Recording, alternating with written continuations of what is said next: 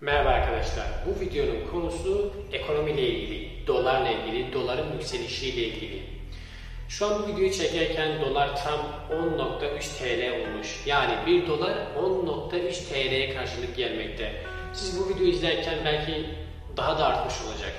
Bu videoda size doların yükselişinin nelere sebep olacağını ve biraz da Özgür Hoca hakkında, Özgür Demirtaş hakkında daha önce söyledikleri hakkında konuşmak istiyorum. Öncelikle şu Özgür Hoca'nın şu videosuyla başlayalım. Şimdi Merkez Bankası böyle müdahale edince ne olur biliyor musunuz? Fiyat tak aşağı düşer. 3.50 olur, şey 3 3.35 olur, 3 olur, 3.30 olur, 3.20 olur. 3 liraya kadar düşer dolar. Bakın ben size söyleyeyim. O zaman ne olur biliyor musun? Düşerken herkes paniğe kapılır. Dövize olanlar. Eyvah derler. Treni kaçırıyoruz. Ne yapalım? Biz de satalım derler. Onlar da satışa iştirak edince hop 2.90, 2.85. Birden de oldu mu? Bir dakika Bitti. Necmettin Bey bu çok güzel. Olmaz mı? Olur niye olmasın? Buz gibi olur. Olmaz mı? Olmaz. Profesörlere göre olmaz. Bakın ben size söyleyeyim. Yani e, bunun Türkiye'deki insanlar Özgür Hoca'yı, Özgür Demirtaş'ı dinlememesinin bedelini ödüyor. Bugün girdiğiniz her markette, yemek yediğiniz her lokantada, aldığınız her üründe onu dinlememenizin bedelini ödüyorsunuz. Adamın bugüne kadar söylediği her şey doğru çıktı. Çin hakkında söyledikleri doğru çıktı, enflasyon hakkında, ekonomiyle, dolarla, her, her, her ne söylediyse adamın söylediği doğru çıktı. Ama kimse de bu adamı dinlemedi.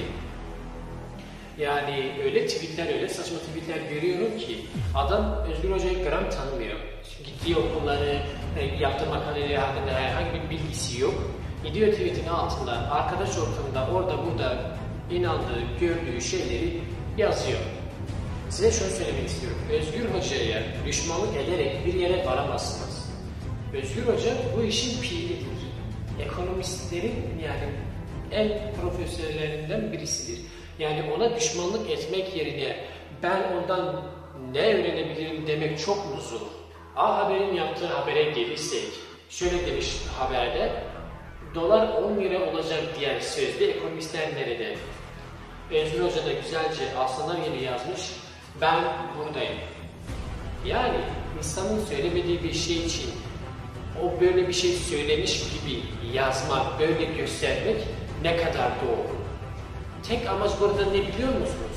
Orada bir tartışma yaratıp sürekli insanların birbirlerine laf atmasını sağlamak. Bundan ne anlıyorsunuz? Yani bundan ne anlıyorsunuz? Türkiye'de haberlerin çoğu yanlış haber nasıl yapabilirim diye yürütülüyor. İnsanların amacı gerçek haberi vermek değil, ben nasıl yanlış bir haber yaparım da ilgiyi o konunun üzerine çekebilirim diye düşünüyorlar. Tüm gazetecilerden bahsetmiyorum tabii. Gerçek bilgiyi veren, güzelce mesleğini idrak eden insanlar var.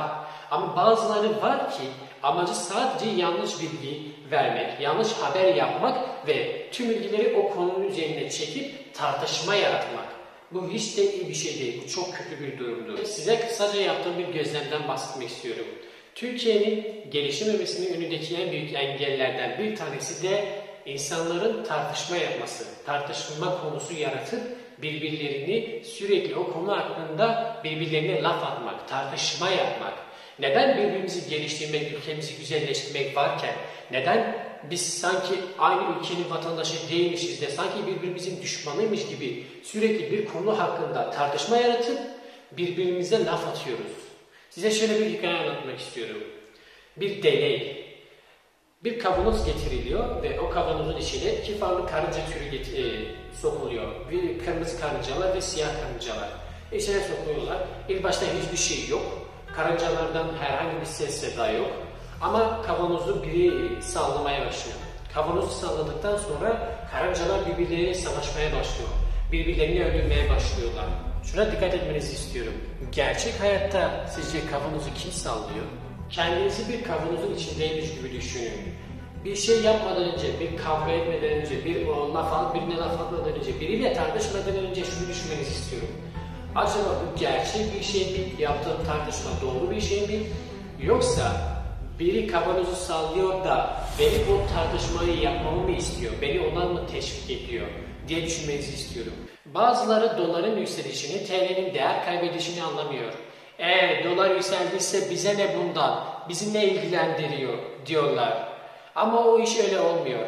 Böyle konuşan insanlara sesleniyorum. Senin aldığın pirinçten fasulyeye, telefondan tuvalet kağıdına kadar her şey dolara indekslenmiş. Yani ben TL kazanıyorum, TL harcıyorum olayını geçin. Öyle olsaydı her geçen gün senin aldığın fasulyenin miktarında azalma olmazdı. Size paranın gücünden kısaca bahsetmek istiyorum. Para bir ülkenin üretim gücü anlamına gelir. Üretim yoksa büyüme olmaz. İstihdam düşer. İstihdam düşerse işsizlik artar. Enflasyon başa çıkılamayacak hale gelir. Sürekli her şeyi dışarıdan almak zorunda kalırız. Üretim olmadığı için ihracat azalır. İhracat azaldığı için zenginleşemeyiz. Zenginleşemeyeceğimiz için de gelişemeyiz. Bunu aklı başında 15-18 yaşında bir genç anlayabiliyor ama 30-40 yaşlarındaki insanlar anlamıyor. Bu çok utanç verici bir durum. Doların yükselişinin sebep olduğu bir diğer şey ise seyahat özgürlüğü. Dolar yükseldikçe sizin seyahat özgürlüğünüz elinizden kayıyor. Size şöyle bir örnek vermek istiyorum. Siz diyelim ki bir yeri gezmek istediğinizde veya bir ülkeye gitmek istediğinizde, yurt dışına çıkmak istediğinizde ne yapıyorsunuz? Elinizdeki TL'yi dolara çeviriyorsunuz. Ama siz elinizdeki TL'yi dolara çevirdiğinizde çok az miktarda bir dolara dönüştürüyor. Ve bu sizin seyahat etme özgürlüğünüzü kısıtlıyor. Veya uçak biletinizde bile para kalmayabiliyor. Veya hiç seyahat etme imkanınız bile olmayabiliyor. Ama dışarıdan gelen bir yabancı, yurt dışından gelen biri ülkemizi gezmek istediğinde elindeki bir sürü miktarda doları bırak küçücük miktarda bir doları TL'ye çevirdiğinde bir sürü TL birim bazında bir sürü TL elde edeceği için bu onun seyahat etmesini kolaylaştırıyor. Ülkemizde rahat rahat, kolay kolay gezebiliyor. İstediği zaman istediği yerde yemeğini yiyebiliyor. İstediği zaman havuza gidip, e, plaja gidip yüzebiliyor. Demem o ki paranız sizin her şeyiniz. Paranız yoksa bir fersah bile ilerleyemezsiniz. Döviz kuru hem sizin için çok önemli hem de ülkeniz adına çok önemli. Ülkenize ne kadar döviz sokarsanız o kadar çok önemli. Yani para bir ülke için olmazsa olmaz. Bir ülkenin en önemli şeyi zaten para. Doların yükselişinin gençler açısından yarattığı olumsuz bir durum var. Gençler eğitim alıp kendilerini geliştirmek için başka ülkelere gitmek istiyorlar. Doların yükselişi yüzünden gençler kendilerini geliştirmek için başka ülkelere gidemiyorlar. Burada gençlere laf atan insanlar olabiliyor. Neden ülkeniz varken başka ülkelere gidip e, orada eğitim almak istiyorsunuz? Bu da ülkemizdeki altyapı yetersizliği. Aslında burada onlara kızmamak gerekiyor. Sorun gençlerde değil, ülkedeki altyapı yetersizliği. Aslında burada kötü bir durum yok. Gençler gidiyorlar, kendilerini geliştiriyorlar ve donanımlı bir şekilde gelip ülkelerine katkıda bulunuyorlar.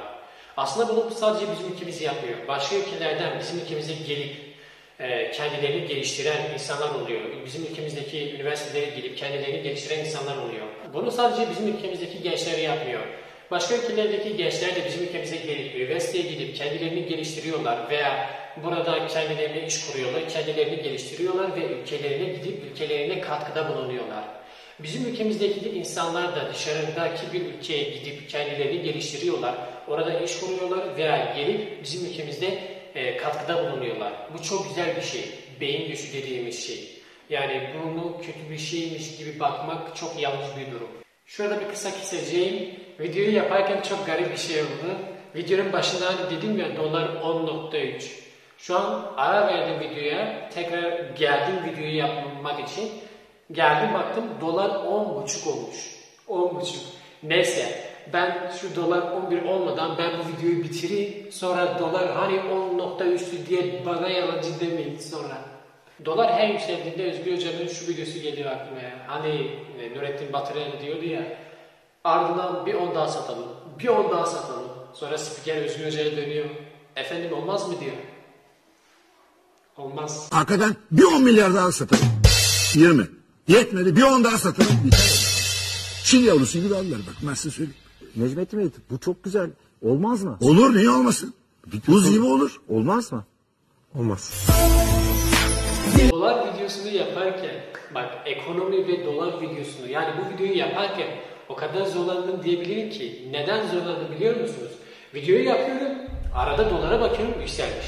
10.3 videoyu çekiyorum Bakıyorum 10.5. Çekiyorum videoyu biraz daha bakıyorum 10.8. Videonun editini yapıyorum. Bak şu an bu son video ekleme olarak yapıyorum. Dolar yavaş yavaş 11, 12. Yani bu hızla giderse 20'ye kadar var. Yani yanlış faiz politikalarıyla yapmayın diyorlar ekonomistler, profesörler diyorlar ama dinlemiyorlar ve bunlar böyle yaptıkça, bunlar yanlış faiz politikaları uyguladıkça zenginler çok zengin, fakirler de çok fakir oluyorlar.